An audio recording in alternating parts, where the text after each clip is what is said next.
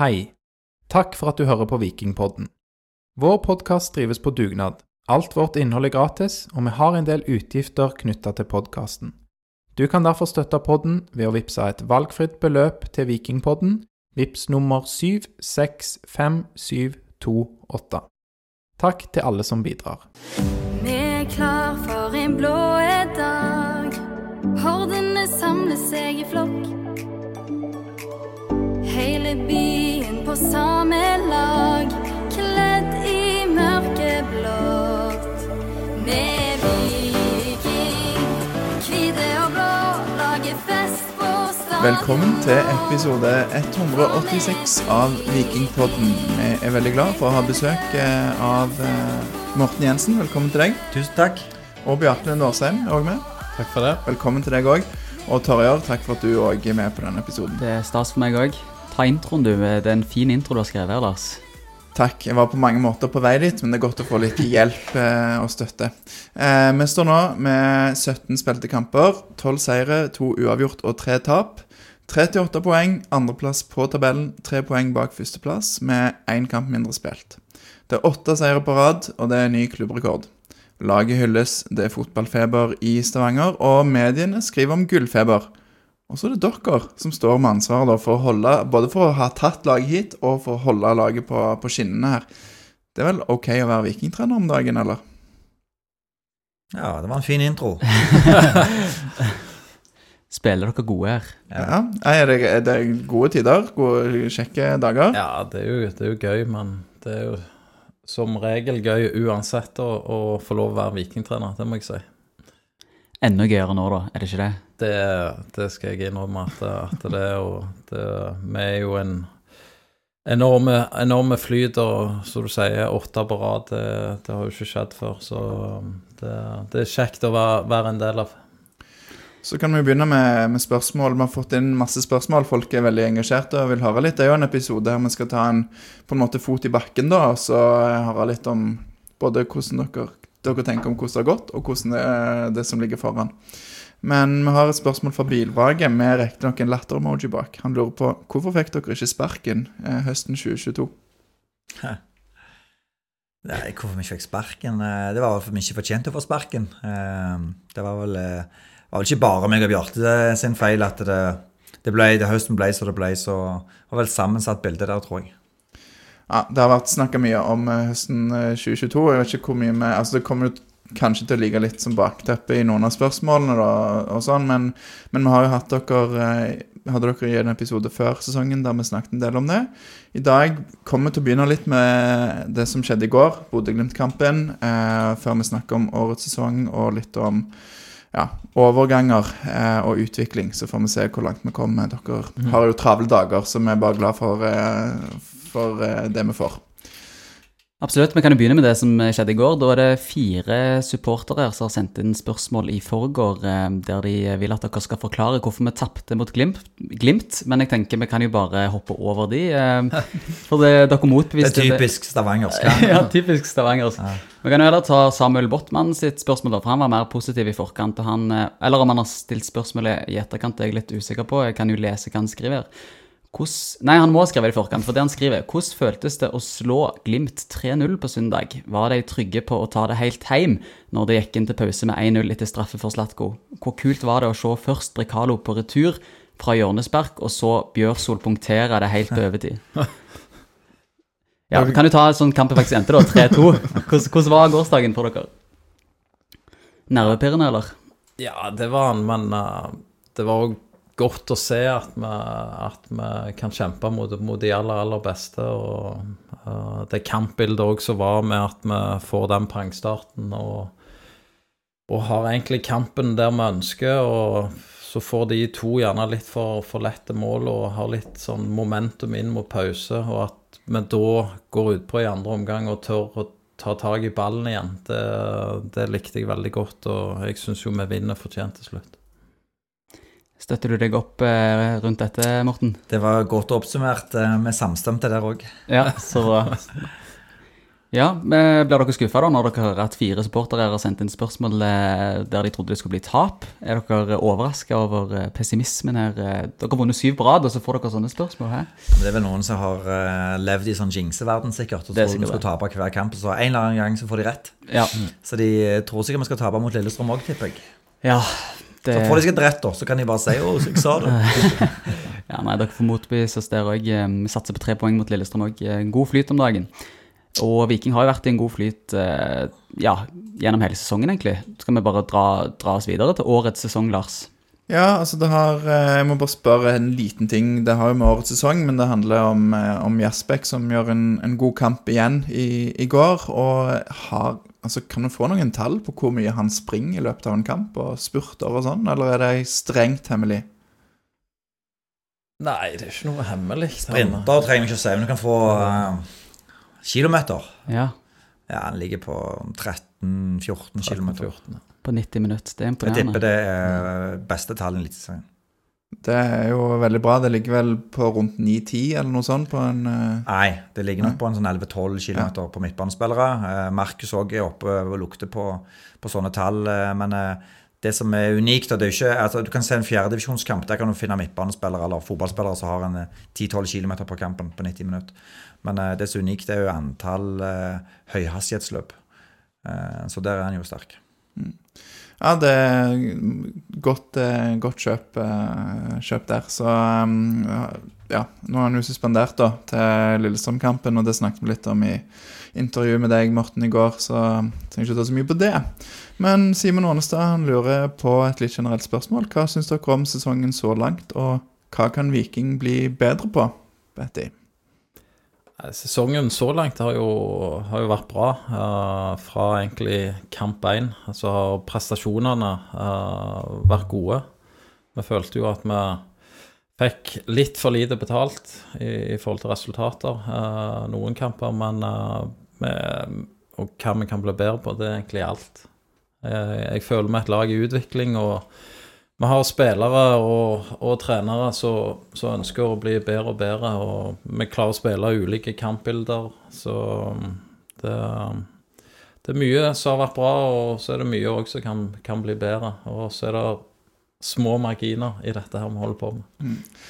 Så eh, det er jo bra å høre at dere tenker at det er en vei å gå, men en går vel ikke ut på treningsfeltet nå i morgen eller onsdag og sier i dag skal vi øve på alt. Hva, du har, kan du gi oss noen ting dere har fokus på nå for tida? Ja, vi har jo hatt den siste tida ganske stort fokus i forhold til måten vi forsvarer oss på. eh, Hvordan Viking ser, ser ut eh, uten ball. og Der har vi tatt store steg, og du ser jo òg på statistikken at, eh, at det peker i rett retning. Så slapp vi inn to i går, da, men eh, det, det har blitt mye bedre. Og det, det går mye på avstander og pumping og forsvare seg som, som en enhet. Det er, vi snakket om det tidlig, tidlig i sesongen, at eh, Viking er jo faktisk et av de lagene som slipper inn mest. Og så har det vært eh, ganske tett siden det, og, og det er jo veldig kjekt å se. Og du fikk jo mye ære for det i det var Studio A sin, eh, sin podkast, Bjarte, som eh. Er det, er det Hører ikke på podkast, Hører ikke på oss engang, hæ? dessverre. um, men Morten, eh, du kan bekrefte at det er Bjarte som uh, har mest med det defensive å gjøre, eller? Ja, han kjører det ofte, de, eh, spesielt de defensive drillene på trening. Men det er jo ikke sånn selv om jeg gjerne kjører de offensive, så er vi jo like samstemte i treningsplanleggingen hvordan vi ønsker å, hva uttrykk vi ønsker å ha offensivt, og hva uttrykk vi ønsker å ha defensivt. Så det er jo bare en fordeling av arbeidsoppgaver og, hvem som på en måte holder litt ekstra tak i det. Så er jo begge opptatt av angrepsspill. og Hvis vi ser på forsvarsspillet vårt den siste tiden, så har jo det gitt oss veldig gode angrepsmuligheter med et godt aggressivt forsvarsspill. sånn så um, ja, det henger jo ofte sammen, da. eh, selvfølgelig. Hvis du er god defensivt, så, så gir det gode muligheter eh, offensivt. Så det er ikke sånn at eh, Bjarte kan eh, bare defensivt og ikke en offensiv trener, eller eh, jeg motsatt. Så. Men eh, på en eller annen måte så må vi fordele litt arbeidsoppgaver òg. Så vi står litt sånn på kampene, så står jeg gjerne og coacher litt mer offensivt òg. Så står han gjerne mer med forsvar og bytter med litt, så. Ja. Ehm, Jonas eh, lurer på, jeg vet ikke hvor dette kommer, om det er fra Instagram eller Twitter, men eh, det er i hvert fall han spør hva er de største forskjellene fra nedturen i fjor og årets sesong? Det er hans første spørsmål. Ja, Vi har vel vært mer tro mot oss sjøl, da. Eh, mest fokus på Viking. Eh, veldig mye mindre fokus på, på motstanderne. Eh, vært, eh, jeg syns vi har vært modige, både hjemme og borte. Eh, hvis vi ser på de tre kampene vi har tapt nå i år, så eh, har vi jo egentlig ganske, vi er ganske fornøyd med den kampen i Bodø som vi taper 5-1, selv om det høres ganske sykt ut. Det er jo 2-1 til det er spilt 89 minutter. Eh, Ja, er og Diagostino har jo en kjempeheading der til å få 2-2. og De kontrer inn 3-1, og så er det Patrick Berg med et drømmeskudd til 4-1, og så ja, 5-1 trenger vi ikke snakke om, det var så gale. Men, og så har du jo Lerkendal. Da uh, syns jeg vi er en ganske god utgave av oss sjøl. Men vi får rødt kort etter rundt 60 minutter, spiller halvtime en mann mindre og presser på for å få utligning. Eh, det tar vi den. Og så er det jo Molde hjemme. Da er vi gode, syns jeg, for å snudd den kampen der. Og få Bjørsvold utvist. Hadde vi ikke fått han utvist, hadde vi slått det Molde-laget der. Så to av de tre kampene vi har tapt, har vi også spilt med en mann mindre en stor del av kampen. Så um, jeg føler vi er på en god plass, sånn, eh, nå spurte jeg litt av, men jeg føler vi er på en god plass i forhold til å stå i egen utvikling og mest fokus på Viking. Så det er vi nok mest fornøyd med, og at vi ikke har eh, variert så veldig mye. Men eh, vi har jo utvikla vårt spillkonsept ganske mye også fra i fjor, vi, hva uttrykk vi har, spesielt med ball.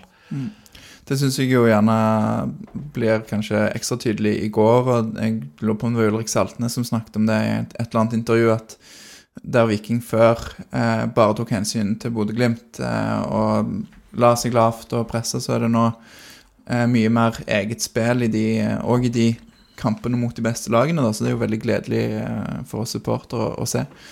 For det var en forrykende fotballkamp i går. Det var Ja, det er jo veien, da, hvis vi ønsker Målsettingen til Bjarte og meg var jo vi skal være et topplag i Norge. Eh, og da må du på en måte stole så mye på ditt eget grunnspill, både med og uten ball, at eh, du tør å møte disse rene Bodø, Glimt og Molde både hjemme og borte med, med samme konsept. Og så får det heller bli 5-1 en, 5-1 en gang, da. Eh, og så vinner du 3-2 hjemme. Da, men eh, vi liker den modigheten og den voksenheten vi har i, i spillet vårt nå. Ehm, han Jonas eh, lurer også på hvordan dere har tenkt å opprettholde denne formen med nå ut sesongen. Det Bare å kjøre på, Bjarte, er det ikke det? Bare vinne og vinne. Beholde Nei. alle spillerne, kanskje? Nei, jeg tror det er jo enormt kjedelig å si, altså, men det er det der fokus på, på neste kamp, fokus på oss sjøl. Hva, hva kan vi bli bedre på? Og, og så er det jo Det er jo marginer her, så det, de må du fighte for å få på rett side. Og akkurat nå så, så, så er vi et veldig, veldig godt fotballag, og vi har spillere òg som utvikler seg i takt med dette her. Um, eksempel i går. Det er vel den beste kampen vi har- sett Markus i. Ja, det passer jo Jeg har god timing på det når det var både skriverier og besøk eh, fra, fra klubb på, på, tribu, på, på tribunen og så på. Dere har ikke noe nytt å melde her nå, sånn, om noen overganger der? Inn eller ut? Eh, ja. Begge deler. Begge. Nei, dessverre. Søren òg. Da trodde vi vi skulle få et skup Ja. her. Nei, jeg håper jo at det ikke skjer så mye. for Nå har man. Heine Vik. Han ligger alltid i forkant. Det, det er faktisk sant. Han har full kontroll. Ehm, apropos holdt på å si Markus Solbakken med en uh, nydelig skåring i går. og Dette spørsmålet ble sendt inn før, uh, før kampen fra Bjarte Østebø. Han skriver at det har blitt relativt lite mål fra midtbanetrioen i år, nesten uansett hvem som har starta. Handler det mest om taktikk eller spillertyper? Og jobber dere med å forbedre dette? Eh, det handler litt om spillertypene. Eh, Noen eh, bor det selvfølgelig litt mer målpoeng enn andre. Noen kan virke litt vaksinerte mot å skåre mål. Men sånn som Markus i går, han har jo, vi sa det i garderoben at endelig fikk han vist noe annet enn pasningsfoten sin. For Det var et fantastisk skudd. så Du har en pasning oppe i krysset. Han bare sendte han inn der. Ja, men ofte så kan en pasning være en god måte å avslutte et angrep på det. Så men eh, ja, vi, vi, vi håper jo og tror at eh, midtbanespillerne våre skal også utvikle seg til å kunne ligge opp imot et tosifra antall målpoeng på sesongen. Han lurer også på om, eh, om Sandberg kan omskoleres og dyrkes som en målfarlig indreløper. Vet ikke om det er en absolutt. Han har jo spilt det før i Ullkisa og Sandnes Ulfog, eller? Ja, når jeg hadde han på juniorlaget i Sandnes Ulf, Ja. så var han en meget, meget god indreløper. Så, så var målfarlig. Der er det òg eh, skriverier eh, i dag. eh, Bud fra Sarpsborg inne. Dere vil sikkert ikke si så mye om det, eh, regner jeg med. Med han, Sandberg. Rist på hodet, Morten. Nei, ikke noen kommentar på det. Det, det er et bud inne fra Sarpsborg på han, det, det er vi klar over. Så ja. Men uh, han Bjarte Østebø vil for øvrig òg han, han er ikke redd for å ta litt av æren da for dette målet fra Solbakken uh, som ble levert i går etter, etter at han hadde kommet med denne, dette spørsmålet. Men du, over til, over til det, er litt mer på mål her, og nå er det en spiss. Eh, Sander Svendsen. Øystein Wihovde lurer på følgende. Han ser at Svendsen har skåret tre mål på fire innhopp og ett mål på tolv kamper fra start. Hva tror trenerne er årsaken til denne her eh, statistikken her? Eh, Først og fremst tror jeg han er tilfeldig. Han har en fin målgivende i går, eh, Sander. og eh, han har vel òg en, en, straffe som han gjerne skulle ønske han fikk sjøl, iallfall. Så, men ofte så er jo, når Sander har starta, så er jo kampene ofte mer satte i starten. Så blir de mer åpne ut i Når gjerne innbytterne kom inn. da. Også, Hvis vi husker mot Sarpsborg, var det jo veldig åpent når han kom alene med keeper der. Så noen ganger er det kanskje lettere å komme til skåringssjanser siste halvtime enn den første 60 òg. Da kampen er ofte mer satt. Og Viking er vel det laget som skårer mest mål i Eliteserien i andre omgang. Um, så mange ganger så må du slite ut motstandere i første omgang før du greier å komme til store nok målsjanser. Så jeg tror det er litt tilfeldig òg, altså. Mm. Har vel nesten ikke skåret i første omgang. Før, før, i, Før i går. Nå skal vi bare forsvare oss. Og det var midt under VAR-protesten òg, så skåres det to mål, altså. Men hva, ja, Handler det bare om at kampene blir mer åpne i andre omgang, eller er det at dere er bedre trent? Eh, Hva, hva tror dere er grunnen til det? At det, at det, har blitt så, at det er så stor forskjell på hvor, må, hvor tid målene kommer, mener jeg. Hvis du tar da f.eks. HamKam-kampen, da, som er ekstreme, så, jo, eh, så spiller du ofte mot en low block lenge i første omgang før du får hull på bullen. og Med en gang du tar ledelsen på SR-Bank eller hvor det er, så må motstanderen fram. sant? Og eh, Borte mot Stabæk er en låst kamp lenge på gras og litt sånne ting. Så har vi litt mer en sånn pragmatisk tilnærming til kampen. At vi ønsker å spille den litt mer kontrollert enn bare helt fullstendig åpen. Eh, og Da er det jo også naturlig at det, målet kommer i andre omgang enn i første omgang. Selv om sjansen òg var der i første omgang. Men dette, jo, dette at Viking skårer så mye mål i andre omgang, vitner jo om at vi har et lag som er godt trent. Um, og mens vi er inne på å være godt trent, så kan vi jo snakke litt om eh, presspill. Ola Egenalen lurer på om eh, Morten og Betty kan fortelle litt om hvordan de har trent på presspillet denne sesongen, og balansegangen mellom å ligge lavt versus å stå høyt. Er det noen av dere som har lyst til å ta den? Ja, når vi, når vi går høyt nå, så har vi jo gått mye mann-mann uh, i høye presset. Og ganske komfortable med, med den bakre fireren vi har òg, at vi, vi, tør å stå mann-mann i, i det høye presset. Og føler jo at vi lykkes veldig ofte. Vi glipper vel én gang i går, ellers så, så, så er det ganske bra. Um, og når vi ligger i medium low, så har vi sånn tydelige signaler på, på hva tid vi skal lufte oss. Um, og vi ønsker ikke å bli liggende for lenge på en måte i, i, i medium low block. Men vi har jo hatt noen bortekamper der vi har forsvart oss òg til seier, så det, det er godt å kunne det òg.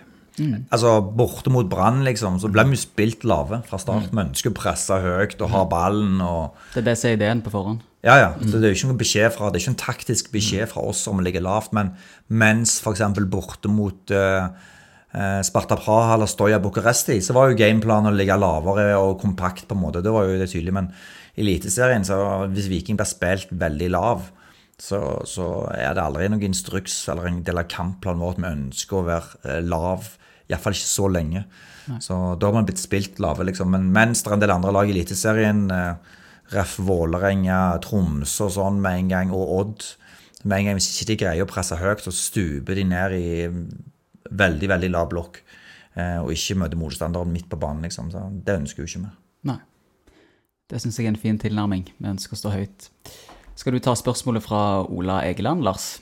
Uh, ja, det vil jeg òg ta, men først bare sånn Dere refererer til disse lagene som stuper ned og legger seg veldig lavt. Uh, det er jo noe som som har vært vanskelig å bryte ned? Og er det Stabæk kommer målet seint, og eh, andre kamper der han har gjerne ikke klart å liksom imponere, da. Eh, allikevel så har dere jo klart å vinne, men, men eh, føler dere at dere har knekt den koden som var mye snakk om i fjor? Mot lavtliggende lag? Jeg syns vi er blitt bedre, i hvert fall. Uh, og kontrollerer litt mer at vi, vi har rett balanse og ikke blir tatt på, på så mye kontringer imot. Og eh, vi ser farligere ut på dødball i år, uh, så det kan være en sånn fin, eh, fin måte å skåre for å åpne en lav blokk. Og, og så har vi jo uh, Vi har fått Lars Jørgen inn og Dags inn, så så ser farlig ut på, på, på innlegg. Og, og når vi løfter Bjørsol òg, f.eks., så høyt, så, så har jo han òg bidratt med, med mange mål. Så jeg, jeg syns vi er flinkere å bearbeide og, og komme til litt sånn større sjanser mot, mot, mot lav, lav blokk òg. Hvis, hvis jeg kan få lov til å skolere litt vikingfansen på en måte sånn, til å forstå hvordan tilnærming vi har, da, så er det jo at det, jeg hører jo ofte at eh, Markus for eksempel, spiller bare sidelengs og spiller ikke nok framover. Og det er jo ganske mye feil, for han spiller veldig mye framover. Men når du spiller mot en low block, så må du også ha tålmodighet i angrepene dine. Du må ikke ha så hurtig angrep, for da mister du ballen. Da blir det vanskeligere på en måte å, gå rett i et gjenvinningspress. Og så Ofte er jo nøkkelen å, være mer tålmodig og ha lengre angrep. og spille litt håndball fra side til side uten å gjerne ha den der killer-pasningen for ofte. Sånn at du senker motstanderen lavt nok og sliter de ut, sånn at hvis innlegget kommer, så er de nesten i, i tauene i forhold til å kunne klarere ballen, eller du posisjonerte deg sjøl med dine egne brikker, sånn at du plukker opp andre ballen og kan fortsette nye angrep. Så jeg tror det er litt viktig å tenke på når du møter lag som, som ligger lavt, at du, det må være en forståelse òg blant publikum at det, noen ganger det å bearbeide og så spille ballen til og med nesten helt hjem til keeper for å prøve å lukke de opp, kan være en del av en god plan for å bryte ned. Synes jo når vi har sett Bodø-Glimt eh, spille fotball, så er det jo Når de er rundt boks, så er det jo Altså Er, det liksom et eksempel på noe av det dere snakker om? Hvordan, hvordan bryter ned de? For de stormer jo inn i boks, og så triller de rundt og tilbake, og så er det alltid mange de kan spille på. Ja, de, de er jo veldig flinke til å spille lag og så lave at de ikke har brikker igjen, at de må bare klarere til, til gult igjen, og så maler de og maler de og maler de, og så Ja. Kom, Slutt ikke å stå imot. nei. Nei. Så sprekker, sprekker du opp til slutt. Så heldigvis så Men det er vanskelig, altså. Det er det vanskeligste i fotball å spille sunt en sånn lav 5-4-1-variant, eller 6-3-1, eller hva de kommer med. Så um, det er ekstremt vanskelig. Da må du være tålmodig. Derfor vinner du gjerne noen ganger 1-0, eller skårer seint, eller uh, Ja. Er det av og til at dere føler at noen spillere er for utålmodige? At dere på en måte må skolere spilleren òg inn i den vikingmodellen med å tørre å være tålmodige i angrepene? Ja, ja. Det er hele veien. Hver kamp. Hver kamp. Ja. For det er mange som ser den løsningen, og så har de lyst til å gjennomføre den, for de har lyst på å få det målet, men så er det gjerne ikke alltid rett. altså Slå den førstemannsbevegelsen. Det er gjerne lurt å vente på la den bevegelsen gå, så se om du finner andre- eller tredjemannsbevegelser. Og være litt mer tålmodige i, i, i strukturen vår med ball. Ja. Så Sondre Bjørtsol, eksempel, som eh, har plutselig begynt å skåre mål eh, Han sa jo når han kom tilbake fra skade Han har sett på seg sjøl som en innoverkant eh, når han har vært skada. har han kommet til dere og sagt dette, eller har dere snakket sammen og funnet ut av det? Er det en endring dere har gjort bevisst i år, eller hva, hva ligger bak der? innoverkant. Nei, men det er bevisst. Men hvis du, ser, hvis du studerer hvordan vi bygger opp, så er det jo bygger vi opp med 3-2, eh, to, altså tre bak. eh, To sentrale midtbanespillere, to seksere, to tiere. Og så er det jo Slatko og, og nå Bjørsvold som har vært breddeholderen skinn i bakrommet, og så én spiss. Så vi lager litt mer dilemma for motstanderen, og så prøver å dra det ut av struktur. da, så ja. Så det er jo et valg vi har gjort ut ifra de spillerne vi mener vi har eh, til rådighet, og for å bruke deres beste kompetanse. Og spillere til rådighet, eh, da kommer jeg til Ole, Ole Egeland sitt spørsmål. Eh, nå er jo, kan jo det bli aktuelt når vi har en suspensjon i, til LSK-kampen, eh, og mulig en spiller på vei ut. Han ønsker en forklaring på situasjonen rundt Bjarnason, hvorfor han ikke starter flere kamper, og om han er fit til å spille 90 minutter. Ja, han er absolutt fit. Han har jo trent med oss lenge nå og bidratt bra i de kampene han kom inn. Han, også, han starter vel borte mot Bodø, gjorde han ikke det? Starta bort mot Bodø. Ja. Raufoss. Ja, Raufoss starta han. Så Fikk han skade i ryggen etter landslagspausen. Ja, eh, for eh, han lurer videre på om dere tenker på alder da med laguttak hvis det er 50-50 mellom eh, La oss si det var Bjarnason og Jaspek, da, eller at dere tenker at de har, lignende egenskaper. Så velger dere den som har mest Nei, mulighet for utvikling. aldri. Men ta, alltid det laget vi tror er best for å vinne kampen. Og hvis vi har vunnet åtte kamper på rad, så tror jeg vi har truffet ok på laguttakene. Ja, det, det er jo lov å, å si det. Det, det er lov å være enig i, i det. Um, Lars Aksnes lurer på I en sesong fullt av oppturer er det en liten torn i siden at klubbens talenter har fått såpass lite spilletid. Og er dette en kortsiktig ting eller en konsekvens av lærdommen de tok fra høstsesongen i fjor?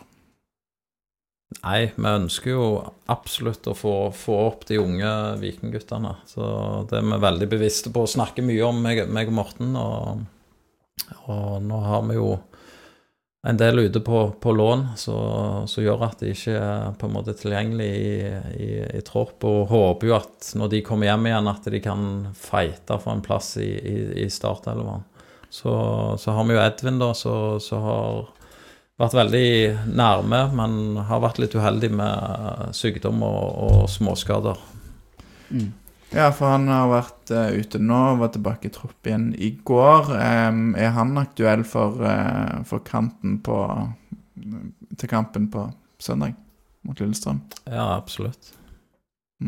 Em, er det Men det er jo også, si det det er jo òg vanskeligere for unge spillere fra akademia nå å bryte igjennom jo bedre Viking blir. Mm. Så jo eh, Du kan liksom ikke få alt i pose og sekk. Så hvis Viking ligger og kjemper helt i toppen, så er konkurransen ofte enda tøffere. Da det er enda mindre nåløy. Da har du gjerne bare plass til én eller to av de aller yngste. Og så, så er det gjerne sesonger der eh, du, er, du har muligheten til å spille enda yngre spillere ut ifra hvor du er henne òg. Det er Ole Henrik Petersen lurer på dette med, med Edvin. og Jeg bare vil bare spørre kjapt. Er det, har dere vurdert altså, Den vurderingen gjør dere sikkert hele veien, men det å ha han i, i Viking eh, trene med, Ha en god treningshverdag, men ikke spille kamper på høyeste nivå, kontra å låne han ut og gi en erfaring fra høyere nivå enn tredjedivisjon, som Viking 2 eh, blir hans kamparena på. Det er en sånn vurdering som skjer hele tida, så jeg tror det er på en måte viktig å treffe de der trappetrinnene. Så hvis du ender med å spille 100 Viking 2-kamper og veldig lite innhopp, så, så er nok det, det å treffe på et utlån på, på et høyere nivå viktig. Uh, men det er sånn Det er nesten hver uke uh, de diskusjonene går. Jeg ser at tida går kjapt her, og vi har ganske mye igjen. eh, Gans, ganske mange kategorier og spørsmål vi ønsker å få stilt dere om, så vi er nødt til å avslutte denne her kategorien om sesongen i år, da, som på en måte har vært en hovedfellesnevner for det vi har snakket om hittil. Men aller først må dere svare kjapt på følgende spørsmål fra Hans Braut Tegre. Hvordan tror dere vi ender på tabellen i 2023? Toppen. Toppen. Toppen fra Bettier. Hva sier du, Morten? Er det toppen på deg òg? Uh, ja, hva er toppen? Toppen, Det er vel førsteplass, det er det ikke det? toppen er topp fire. Å ja, topp fire. Europa. Topp fire. Ja, vi må i hvert fall gå for en europacup.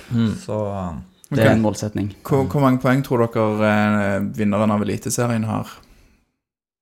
I år Mm. begynner Reinar Jensen. hvor lang er en tau? hvor tung er en stein. Ja, hvor tung en stein det Hvor veier en fisk? Nei, nå hadde, jeg hadde- mista det, men jeg fant det jo her som sier Molde vant jo i fjor med 78, det er jo veldig høyt, da. Um, og så var det i 2021 så vant Bodø-Glimt med 63. Mm. Jeg vet ikke. Nei. Det betyr ingenting. Men en ting som kan påvirke hvordan Viking gjør det i år, det er jo um, overgangsmarkedet denne sesongen. Og da er vi over i overgangskategorien, og Rino Haugen lurer på om dere pga. den posisjonen dere nå har satt dere i med å ligge på andreplass på tabellen, vil prøve å forsterke troppen i vinduet, eller, eh, eller kommer det til å bli sånn at vi erstatter kun de som blir solgt, altså spiller for spiller? Jeg tror aldri det vil høre en trener som ikke ønsker å forsterke stallen sin. Nei. Så eh, det er jo selvfølgelig ønsker, Hvis vi kunne forsterke oss, så, så hadde vi ønska det. Det viktigste er jo å beholde, selvfølgelig. eh, Men eh, det er ikke bare meg og Batty som bestemmer det her. Har dere gitt beskjed til Nevi om hva eller hvem dere ønsker dere inn for eh, at det skal gå hele veien inn i år? Hva skal vi svare på dette? her? Det er vanskelig. Ja, det er vanskelig, for det er jo et stort bilde i forhold til det, klubbdrift og den biten der. og det er jo viktig at folk skjønner at uh, vi er avhengig av spillersalg for at dette skal tikke rundt uh, hvert år. Uh, vi er ikke i samme situasjon økonomisk som Molde og Bodø-Glimt, f.eks. Uh, Men det er, jo, det, det er jo en unik uh, Altså unik, jeg vet ikke, men i hvert fall en veldig spesiell situasjon dere har sett dere i med nå å ha åtte kamper på rad, ha et lag som fungerer så bra. Er det ikke litt sånn Jeg vet ikke, med, det er jo Vi er jo supportere, vil jo tenke det, selvfølgelig, men er ikke nå liksom tid å bare si at nå må vi være tøffe her, og eh, vi, skal, vi, vi skal gå for dette, og da må vi beholde mest mulig? Enig. Være litt offensiv. ja da. Det er Enig i det. Det er jo det selvfølgelig vi som trenere. Sant? Og vi skulle jo selvfølgelig òg ønsket å gjerne forsterke òg i den posisjonen vi er i nå, men er det realiteten? Det får gjerne noen andre svare på. Hva ville du hatt inn, da? Du sier jo litt nå at du Ja.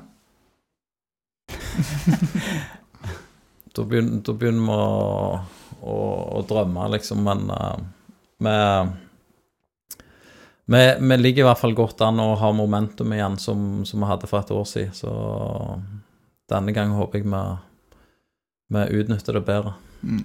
Men ser dere uh, på tidligere vikingspillere uh, som aktuelle? Det er jo to det har vært snakk om en del i det siste, med både Samuel Adegbenro og Joe Bell, som det har vært litt snakk og skriverier om. Dere kan kanskje ikke kommentere navn, men uh, Jeg kan ikke kommentere navn, men uh, vi vil jo alltid være interessert i gode fotballspillere som vil spille for Viking. Det viktigste er på en måte, Vi ser jo at eh, mange av de spillerne vi har fått, uh, fått til, da, de har jo hatt en sterk passion og drive for å spille for Viking. Og da har vi som trenere greid å utvikle de deretter. Så det viktigste for oss er at de, de, de uansett hvem som kommer, kommer inn her med en, en sterk passion for å spille for Viking og, og stå i en utvikling og, og være en del av et kollektiv med det, det er vi helt avhengig av. Ja, så tror jeg det der å være i forkant med Så lenge vi er en selgende klubb, at uh, selv om jeg spiller, så har vi en erstatter allerede klar i troppen, som er kjent med hvordan Viking spiller fotball og, og den biten der. Så Diop kan være et eksempel på. Det ser vi òg, at det tar som regel et halvt år og en preseason før de spillerne du henter på sommervinduet, gjerne er der med up to date eh, til, til å gå inn og virkelig levere. Så det er ikke bare bare heller å hente i sommervinduet og forvente at de skal trolle når det er ti kamper igjen. Nei, for Nå toucher dere litt innpå Vi har fått et spørsmål fra Dag Idar Jøssang. Altså I fjor når de oppkom inn, eh, så var det jo eh, egentlig vel, i hvert fall og utad at han var, det var en langsiktig tanke her. Eh, og erstatter på plass før, eh, før, da, før noen har forsvunnet ut. Eh, Han så jo ikke helt sånn eh, stø, stø ut hele, hele høstsesongen. Eh, han lurer på om dere noen gang var i tvil, eller om dere var rolige og, og, eh, og så at han, eh, han, det, han ville utvikle seg og slå til. Eh, Jeg tror det siste du er inne på der, at vi, vi så et fantastisk råpotensial, og så fikk han en, en trang fødsel eh, i og med at laget var der det var. Eh, Vi, vi sleit egentlig med å få til eh, både resultater og, og, og gjøre enkeltspillerne gode i kollektivet. Så, men eh, det viser jo bare igjen, når han har fått muligheten, og når Stensnes ble, ble skada, så, så har han vært klar, og han har på en måte, har fått tid på, med, med han på treningsfeltet og på videorommet til å fortelle, fortelle han hvordan, vi ønsker å, han skal spille. og Nå ser du han blomstre, men det gjør han jo pga. at han har tillit nå og får spille i et godt lag.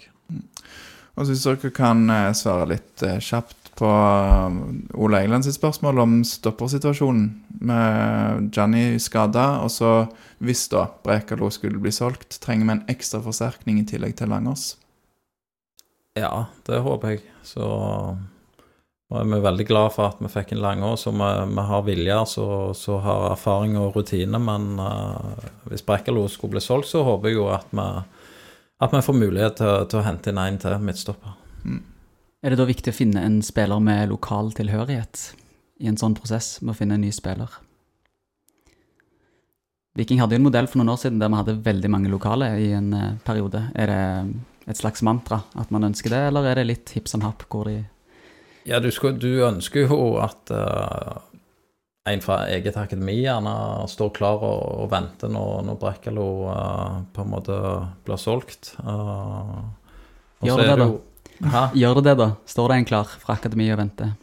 Jeg tror Det er kommet masse talenter der, men om, om noen er klare allerede nå, det, det spørs jo når Brekkelo blir solgt. Men uh, vi snakker om en, eh, en A-landslagsspiller her, så selvfølgelig vi kommer gjerne ikke til å klare å erstatte med, med samme kvalitet, men vi, vi må i hvert fall få, få dekning inn der for, for å beholde eh, den kvaliteten vi, vi har i, i, i elveren vår. Um, Skal vi ta spørsmål om Samuel Adegbenro, Lars? ja, vi var jo litt inne på det. Men er dere positive? Det er Anders Børve som lurer på. Er dere positive til å hente hjem Samuel Adegbenro? Kanskje si nei til det. Er ikke han, eh, er han, Han er ikke under, Han er ikke under kontrakt noe sted. Ble fri, frigitt fra klubben sin i Kina. Jeg tror, jeg tror ikke han er fristilt. Jeg tror han, er annet- han er bare ikke registrert i, i troppen eh, pga. en sånn utenlandskvote. Så eh, jeg tror han er under kontrakt med, med nåværende klubb, liksom. Så Men dersom mulig, så sier dere ikke nei? Det blir litt sånn hypotetisk. Ja. Greit. Høres ut som dere har kontroll, i hvert fall, på Ja, gjetter jeg bare. Nei, jeg skal ikke si for sikkert, men jeg trodde han var fristilt. Men det kan være som du sier, Morten. eh, Du er kanskje mer inni det enn meg, hvis Jeg jeg skal være helt ærlig. um, ja. Eh, For dere, da. Um, ja, Torjer, du er på neste kategori. Ja, potensiell overgang for treneren har jeg kalt denne kategorien. Fordi dere har jo, som nevnt eh, tidligere i denne episoden, gjort det veldig bra i de siste åtte strake seire. Og da er det jo ikke helt usannsynlig at dere blir ettertrakta på arbeidsmarkedet når dere gjør det godt i, i jobben deres. Um, hva skjer hvis en av dere får jobbtilbud som dere er interessert i? Går dere som en duo, eller kan dere splitte dere opp, eller hva, hva er ståa der? Det har vi ikke snakket om engang. Nei, få ta det her, da. Første samtale rundt dette. Vi har bare sagt at hvis det skal skje at én får et tilbud, så skal vi i hvert fall informere hverandre om det og ta en prat face to face først. Og så. Men eh, Bjarte fikk jo et tilbud fra Emiratene for ikke så lenge siden, så han takket nei til. Så det er det nærmeste. Nå begynner han å Nå er jeg veldig, ja, nå er jeg veldig, nå er jeg veldig usikker på om eh, Nå begynner han å kødde igjen. Så. Men du, litt mer kødd, da. Bare, var, men det var Fredrik Berge Kristoffersen som hadde stilt ja, men det var mange som hadde lurt på dette her. Eh, Både Heinevik eh, lurte litt på et spørsmål i samme gate, og Håvard Sande og Fredrik Berge Kristoffersen. Så takk til dere som har sendt inn Så synes jeg vi skal ta med litt det han skriver, da, Berge Kristoffersen. For han skriver at uh, han, han syns dere er gode, engasjerte og gode, og både på sidelinja og stille opp i media. Det er jo vi også glad for. Uh, aldri slutt i Viking, skriver han. Så det syns jeg òg bare bør formidles uh, der. Så Vi har jo drømmejobben, ikke det vi har Ja, sagt? Vi har ikke noen planer om å slutte. Det er bra. Um, et annet spørsmål er dere, dere omtaler jo dere sjøl ofte som et gammelt ektepar. Det var nytt for meg, men eh, dere har gjerne gjort det noen ganger. Så hvilken sang ville vært brudevalsen? Du er glad i rock, Bjarte, er du ikke det? Ja. Jeg gikk rett til Jokkeland, jeg, med noe sånt. Nei, ja. Og du da, Morten, er det noe Stavanger-kameraten, eller hva? Nei. Standing tall? Nei, jeg vet ikke om jeg eh, ble tatt litt på senga av det spørsmålet. Det var det må jo være en blå dag, da. Ja. en blå dag, den er god. Eller den der suse inn i nettet. Den er fin. Jeg tar heller ei øl med Bjarte bak på en konsert enn å danse brudevals med han. Tror jeg. Jeg tror det er fornuftig med denne her rytmen i denne her kroppen. Jeg har sett deg danse før nede ved sidelinjen når du skårer mål. Kra krabbedansen. Ja. ja. det var mot? Ja, det var med Bjarne der. Mjøndalen borte. Ja, det var det. Krabbedansen, du og eh, Bjarne Berntsen? Nei, jeg kjørte en solo krabbedans. Det, Var det Even skårte det? ja. Eller Jonny? Var det i Obos-ligaen? ja, det var jo fire must win. Det var vel ant siste kamp, nei. Jo, Ja, var det ikke det? Ja, det var Før, før. Kongsvinger. Ja. Ja. Mm. Det har vært en reise, altså. Hæ? Du, Mens vi er inne på reise, så må vi innom neste segment her. Utvikling, Lars. Kan ikke du ta spørsmålet fra Jon eh, Karsten Jensen her? Jo, det skal jeg gjøre. Eh, og denne gangen skal jeg gjøre det med en gang uten å ta noe eget først. Mm. han lurer på hvilke faser av spillet har med størst forbedringspotensial? Og så er det sånn Defensivt så mener jeg at vi kan bli bedre i eh, soneforsvaret generelt. Ja. Enig. Offensivt så tror jeg vi kan bli enda bedre i um, i eh, posisjonsspillet vårt. Eh, variasjon med korte og lengre angrep, og samtidig ha nok gjennombruddskraft i laget. Kan du, Bjarte, bare forklare litt eh, dette med soneforsvaret som dere ønsker å bli bedre i? Hva ligger i det? Det, det ligger jo i det, det kollektive forsvarsspillet å på en måte forholde deg til, til ballen og, eh, og din lagkamerat, og ikke spilleren. eh, og, og tørre å stole på at sonen eh, fanger opp farligheter. avstander i laget. og på en måte evne å holde det når du må, må flytte deg fram og, og tilbake. Um, så det er jo noe vi jobber med masse, um, og som jeg, jeg føler meg er blitt mye bedre i. Eh, Jon Karsten lurer også på om det er en spesiell spiller eller egenskap eh, som dere føler mangler i dagens tropp. Det var òg noen Nå har jeg ikke det foran meg her, men at sant, altså, Mange har jo f.eks. angrepsspillere med ekstrem fart, sånn Som har det som sin spisskompetanse, da. Er det noen sånne type ting dere savner, eller vil hatt mer av? Jeg er jo Fart, tenker jeg jo sånn generelt er bra i dagens fotball. Mm. Så Hvem er raskest på laget? Hvem er raskest? Hvor lang er en tau? Hvor langt skal jeg springe? 10 meter? 40 meter? Hvem har best akselerasjon da i dagens vikingtropp? Har dere statistikk på det? Ja, vi Ja. har jo egentlig det. Og 5 meter og 10 meter med vending. Eh, hvem er det? Bjørsol? Iallfall der oppe. Han er i hvert fall helt oppe. Tror Langås kommer til å skåre bra der. Han er Ja. bra der. En, Hans... dri en dribler òg, vet du. Kunne Ja, Samuel Altså, Adegbenro, I for forhold til å eksempel. skape overtall med at du klarer å Mm. komme deg løs én mot én. Um, det kunne være interessant. Mm. Ja. Spolte jeg tilbake litt, men Ja, ja. Ja, men det er fint, det. mm. Ta, skal jeg, ta, jeg kan ta deg, da, det spørsmålet her. eh, Det, han stilte litt eh, flere spørsmål, han Jon Karsten Jensen. Det er en stund siden et lokalt talent har klart å slå skikkelig igjennom. Sist er vel Harald Nilsen Tangen og til dels eh, Haugen. Um, er det kostnaden av å være topplag at man ikke våger å gi talentene tillit over tid? Du har jo sagt litt om det, da, Morten. Um, Eller har vi rett og slett ikke store nok talenter, spør han til slutt. Og det jeg tror talentene er der. Og så er det jo opp til meg og Bjarte å tørre altså, å spille de, og så er det timing på det, og uh, Det er masse sammensatt bilde, det òg, på en måte. Så, men eh, er du ung nok og god nok, så, så spiller vi det jo. Vi, er ikke noe, vi diskriminerer jo ikke der på, en 18-åring kontra en 32-åring, liksom. Igjen så bruker vi det laget vi mener er best til å vinne kampen. Så, så, men eh, det, for de unge spillerne så gjelder det å være tålmodige, liksom. Eh, og så vet vi jo at vi har et bra akademi, men eh, de òg stiller seg større krav til nå. De må produsere på en måte enda bedre spillere enn de gjorde året før. Sant? Hele veien hige etter next level. Så det er tøft både for akademiet, så det er tøft for oss òg også. Eh, Gi dem nok spilletid, så det er jo ingenting som hadde gledet oss mer hvis vi kunne fått eh, masse lokale gjennombrudd på unge talenter. Av de som ligger i skorpa, da, så eh, kan jo altså Der har vi sett Jone Berg har jo vært mye i tropp. Eh, Vi hadde Taraldseth sist. Eh, Jørgen Galta og eh, Nå husker jeg ikke Det var en til jeg tenkte på, som har liksom blitt eh, trukket fram av mange, da. Er det noen eh, dere ser på som aktuelle for å bli en fast del av, av A-lagstroppen, eh, eller A-laget, da, eh, i nærmeste framtid?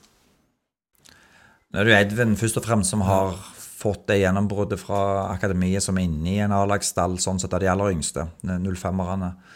Eh, Så, eh, men eh, de får bruke høsten godt nå. Eh, De kjemper jo i toppen i, i tredjedivisjon, og så, så jeg tror jeg de skal få lov til å bruke den arenaen så godt som det er. Og så er de oppe og hospiterer og trener hos oss eh, jevnlig, eh, en del av de, så gjelder det for de å stå i den utviklingen igjennom både høsten og ikke minst bruke den vinteren skikkelig godt. For at det har vi også sett at det, de som virkelig på en måte har tatt de der største stegene, har brukt den vinteren på en måte ifra de bikker på å trene med A-laget til å gå med i A-lagstroppen veldig godt. Og trent hardt og, og lagt på seg noen kilo i muskler og blitt litt mer moden fra den junioralderen til, til å spille voksenfotball.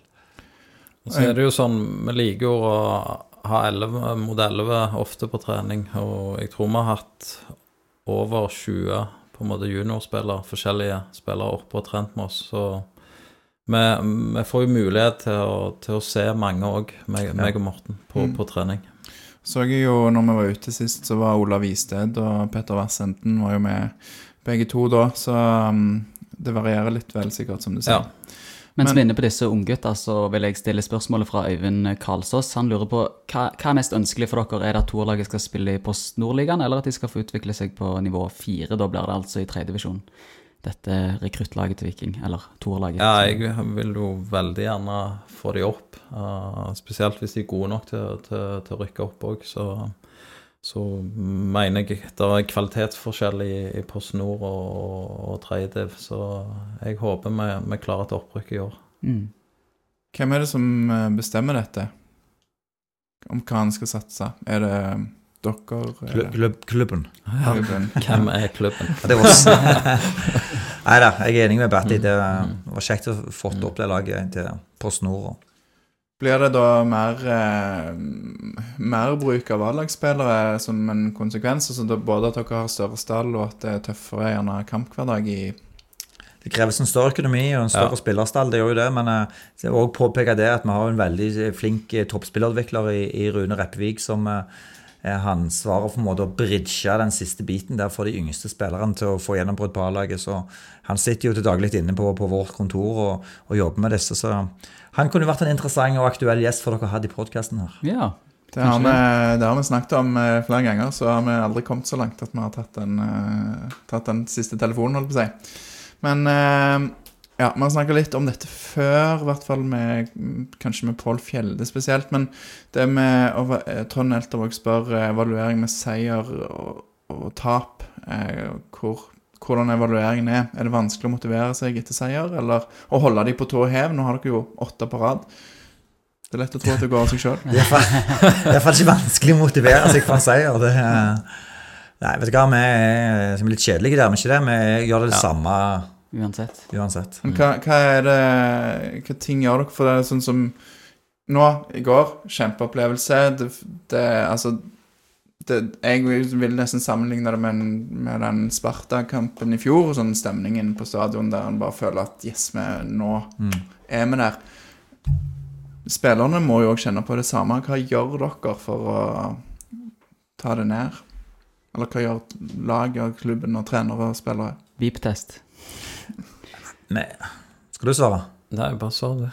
Det gjør men, det samme hver gang. Ja, vi, vi, jo, vi gjør det samme. Vi, jo, vi skjønner jo at omgivelsene liksom eh, tar av når Viking gjør det bra, og det er jo forståelig. Vi, er jo fans, vi òg, på utsida her, og så syns det er gøy at Viking ligger i toppen. Og, men eh, samtidig så lever vi i egen boble internt, der eh, det indre teamet vårt måtte plugge på og gjøre akkurat likt. Og vi fikk jo en god utfordring i år, eh, Bjarte og meg, når vi mista Pål Fjelde til, til Danmark. Og fikk hvem som har overtatt oppgaven hans? Det må jeg bare spørre om. ja, det er Stig eh, Vik Nederbø. Eh, Så han er lokalt trenertalent som er henta internt fra akademiet vårt. og det har nesten vært sømløst, eh, måten han har gått inn i den rollen og videreført og lagd den til sin egen, den som Pål hadde. Pål gjorde en fantastisk jobb for oss, og nå gjør Stig en fantastisk jobb. Så det er vi veldig takknemlige for at vi kunne plukke en fra eget akademi som bare går inn og så leverer så til de grader som også stiger. Så dette er unge, dedikerte trenere som eh, jobber 24-7 på lik linje med meg og Bjarte for at det, eh, det er litt sånn backroom staff, da. Eh, så de fortjener veldig mye kreditt for, for de resultatene vi nå ser på banen. Så er det veldig kjekt.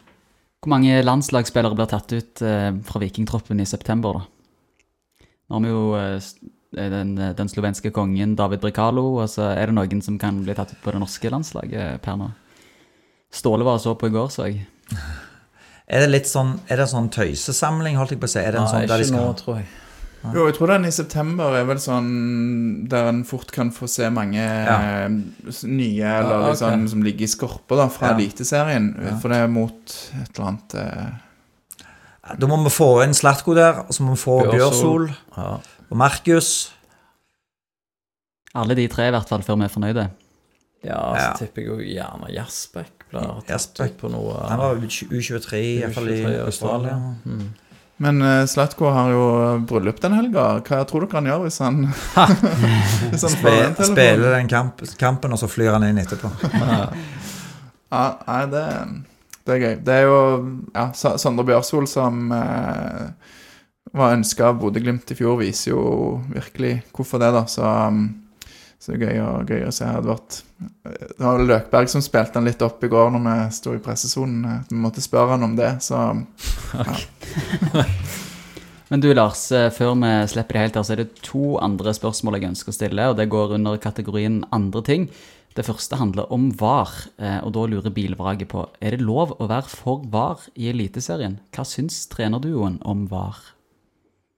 Ja, jeg tror jo det, det kom for å bli, tror jeg. Uh, det ser du i hvert fall andre plasser. Men uh, så må du bare bli bedre på det, uh, og så finne en måte spesielt at det, det må ikke gå for lang tid, og så må vi få en, et eller annet info på, på hva som skjer. Og der har jo fjerdedommerne i hvert fall en viktig jobb i forhold til oss trenere. Fungerte det greit i går med fjerdedommer i Bodø-Glimt-kampen? Ja, i går fungerte det veldig bra. Jeg synes det. var Rask avgjørelse. Borte mot Vålerenga så fungerte det veldig dårlig. Um, Mm. det Da var det dårlig. straffen vi fikk imot der Ja, meg og Morten skjønte jo ikke hva det var. sant? Vi så jo ingenting. Så Du fikk jo gult kort da nå i, i Bergen, Morten. Ja, hva skjedde der? Jeg har plukket opp noen i år. Har du Oslo flere? også fikk. Ja, jeg fikk i Oslo på den avgjørelsen. Den der avgjørelsen fikk Er det han som er hissigproppen, eh, Ja, ja. Nei, men jeg er sånn, Hvis jeg ser noe, så sier jeg ifra. Ja. Uh, og der i Bergen så ser jeg jo at Markus blir klippa ned, og de får en monstersjanse. og eh, ja, Da vil jeg uh, si ifra. Du Da sa dommeren at hvis du ikke gir deg nå, så, så blir det gult. Så, så sa jeg ja, men jeg kan ikke gi meg når jeg ikke ser det åpenbare der ute på. Så da fikk jeg det gule kortet. Det, det får jeg leve med. Er det samme som deg for, som for spillerne, at du kan ha fire før du blir eh, får karantene, eller? Nei, jeg kan få ett hver kamp eh, hele året. Så kan jeg plukke opp 30 uten å ha karantene. Er det, er det sant, eller tror du det er sant. Oh, ja, det er kan bli vist, vist vekk, da. eh, hvis du Du kan få rødt. så Det er ikke bra. Ja, det, er, men, eh, Det er jo vi- fordelen med å være to, da. Ja, Vi vil jo ikke helst dra på oss eh, gule kort på, på benken der, eller røde kort, men eh, vi ble vel ganske flinke. Jeg har i hvert fall fått tilbakemelding fra disse dommerne at eh, vi i Viking vi greier å oppføre stort sett. Det er vel mest Jan Reffevik vi, vi får mest kjeft for. ja, så er det mest at vi står to. Det er det de bruker litt tid på. Jeg tror vi oppfører oss som regel bra, men eh, de liker ikke at vi står to framme der. Så vi prøver å sykle litt fram og tilbake, men Morten sier jo at, Viking, eller at dere ja, er kjent for å oppføre dere eh, fint, men sånn i media sånn, så føler jeg Viking i det siste har fått eh, litt rykte på seg for å være et litt sånn kynisk lag. Dere har kanskje fått med dere noe, noe av de samme ryktene. Er dere, er dere enig i den, i den kritikken, om man kan kalle det det? Jeg svarte vel på det på TV i går. Hvis jeg fikk med det, da sa jeg at jeg kjenner meg ikke igjen i den kritikken. og De fleste lag har en snev av kynisme. og Ref Bodø-Glimt. Jeg husker de var her på stadion, og Patrick Berg lå med kramper, og et par andre lå med kramper og dro ut tiden. Så ble spurt etterpå. Nei, det var bare for å dra ut tiden og ødelegge momentet til Viking. Men vi gjorde det, så eh, det må folk slutte med å si at Viking er på en måte noe verre enn noen andre. Det blir bare tøys. Det snakket jeg litt med han eh, Ariles i går på intervjuet vi gjorde der, så folk kan jo se hva han mener når jeg spør om, om Viking er så gale som, eh, som noen skal ha det til. Um, Hva mente han, da? Nei, han eh, var inne i sitt da. Bra teaser, eh, Lars. Vi kan ta det etterpå. Men, men eh, Viking hadde jo i går et fantastisk eh, liv på stadion, og det er jo ingen tvil om at eh, Felt O har vokst drastisk de siste årene. Og da er det en anonym innsender som lurer på hva Bjarte og Morten syns om den blomstrende ultras eh, Eller de blomstrende ultrasmiljøene på Felt O. Fantastisk. Det enestående. Det har vært kjekt å se egentlig de vokse i takt med på en måte Jeg følte liksom de begynte sin virkelige vekst når, når vi kom inn i manesjen sjøl med, med Bjarne der og har bare vokst og vokst og vokst i takt egentlig med utvikling av laget. Så ja, altså både hjemme og borte. Det, Ja. det, det er ganske deilig å reise rundt og så se hvor mye Vikingfans som kommer borte òg. Og, og hjemme er det jo bare blitt flere og flere. Og så syns jo jeg òg det er veldig kjekt å se så mye unger på stadion igjen. Mm. Du sier igjen, har det vært, føler du at det har vært manko i noen år? Ja, vi sprang jo der sjøl da vi var unger. Ja, så. sånn, ja, ja. Nå, eh, det kan være at det ligger noe mer i dette spørsmålet her. Eh, Rogalands Avis hadde jo en sak eh, For det er jo ikke Altså, det er jo en del um, kontroversielle greier, og jeg vet ikke Altså, jeg har fortsatt slitt med dette med ultras og casuals og hva som er hva på, på supporterfeltet, så nå hørtes det ut som dere svarte litt generelt. Gjorde dere ikke det om felt O og supportere? Jo, jeg tenker bare alle de den blå veggen der er, fans. Eh, Kall det ultras eller casuals eller eh, hva det måtte være. det var. Ehm, vi har eh, snart holdt på en time. Jeg har bare to, eh, to spørsmål helt til slutt. Um, I 2021, deres første år, en halvdel av sesongen var så som så. Det var en del eh, Det var noen skeptiske. Vi hadde dere inne, og så snudde det. Fikk en knallgod eh, sesong. Og eh, 2022 knallgod start på sesongen, og så eh, snudde det. Klarer vi i år å ha to relativt jevne og like halvdeler av sesongen, eh, folkens?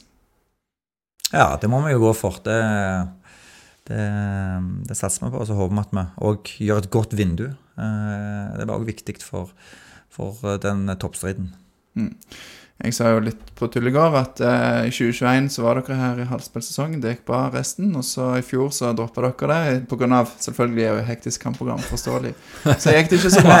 Så eh, nå har i hvert fall vi alle gjort vårt for, for Ja, det. da. godt tegn. Ja, det er godt, tegn. Ja. Bjarte er overtroisk, så det er bra.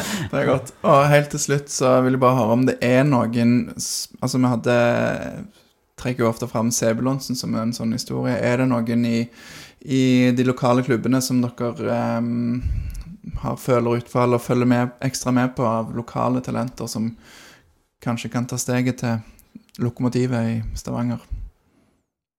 Ja, alltid det. Det er jo et par spennende spillere på både Brodd og, og Vidar. Spesielt de yngre spillerne vi følger der, da. Eh, og så så vi jo at eh, Sola sitt i G17-lag vant Norway Cup, og der kan jo plutselig gro noe. Så jeg syns det er bra at det endelig så liksom, Vi lider jo litt av at det covid fikk ødelagt to år med, med covid i lokalfotballen òg, så Men eh, det, var, eh, det blomstret godt. Og så fikk vi jo en eh, suksesshistorie med Daniel Karlsbakk, som eh, kom fra farmerklubben vår Bryne. Eh, så eh, Den er fin. Sandnes Ulf og Bryne kan òg produsere spillere til Viking. Det høres veldig, veldig bra ut. Em, er det noen ting dere ønsker å liksom melde før dere eh, går herfra, til de som hører på oss? Eh, ja, eh, jeg vil bare takke i fall personlig for all den støtte vi, får fra våre fantastiske fans, om det er ja, når du går ut i gatene eller om det er på stadion. og Det er helt fantastisk. Og så jeg hadde med sønnen min på, var med familiebussen opp på, til Bergen. Og det var en unik opplevelse. En syvåring opp der med, med en kompis og fikk oppleve Felt O der i sin eh, beste eh, omgivelse der og, og dundra på med 1000 mann. Så jeg håper jo at det, det ga mer, mersmak for mange av de som reiste. Og er det jo faktisk familievennlig på de familiebussene å reise rundt, iallfall når du skal til Haugesund og sånn, så håper jeg at det, det kan reise opp eh, flere tusen fra Stavanger og, og fylle opp den tribunen i Haugesund. Det hadde vært fantastisk. Absolutt. Da, syns ikke du Så må du si noe òg der. Ja, du dekket over det meste av det. Ja, er vi gjennom det da, Tarjei? Det er vi, og takk for at dere stilte, og takk for åtte seire, og at vi endelig er i gullposisjon. Men så er det jo, jeg synes bare det er fint, sånn som eh, Slatko Tripic og um, Lars Jørgen Salvesen sier i studio. ja, Vi har ikke oppnådd noe ennå. Nei. Nei. Vi har fått masse gode opplevelser på veien, i hvert fall. Mm. Og det er viktig å nyte av de. Ja. Så òg til takk til alle som har sendt inn spørsmål. Eh, det er veldig kjekt. Og så, um, ja Det kom inn eh, Jeg vet ikke om det er rekordmange, men det var i hvert fall en god jobb for oss her i forkant, og det er jo veldig gledelig. Så til de som ikke har fått med spørsmålet sitt, så er det kanskje forståelig. Håper i hvert fall at eh, folk føler de har fått svar på det meste. Og så Mest. Så ikke kan de bare sende til Bjarte på innboksen, så svarer han opp i etterkant. Nå, nå er det gode. Nå er det gode. Det er bra. Nei, men Vi snakkes i, i Lillestrøm med, folkens, og gleder oss til, til en spennende kamp oppi der. Så. Da må vi avslutte med å si Viking, Lars, før vi gir oss. Ja, nå har dere vært der noen ganger, så dere er vant med det. Jeg teller til 1, 2, 3, og så sier vi det. 1, 2, 3. Heia Viking!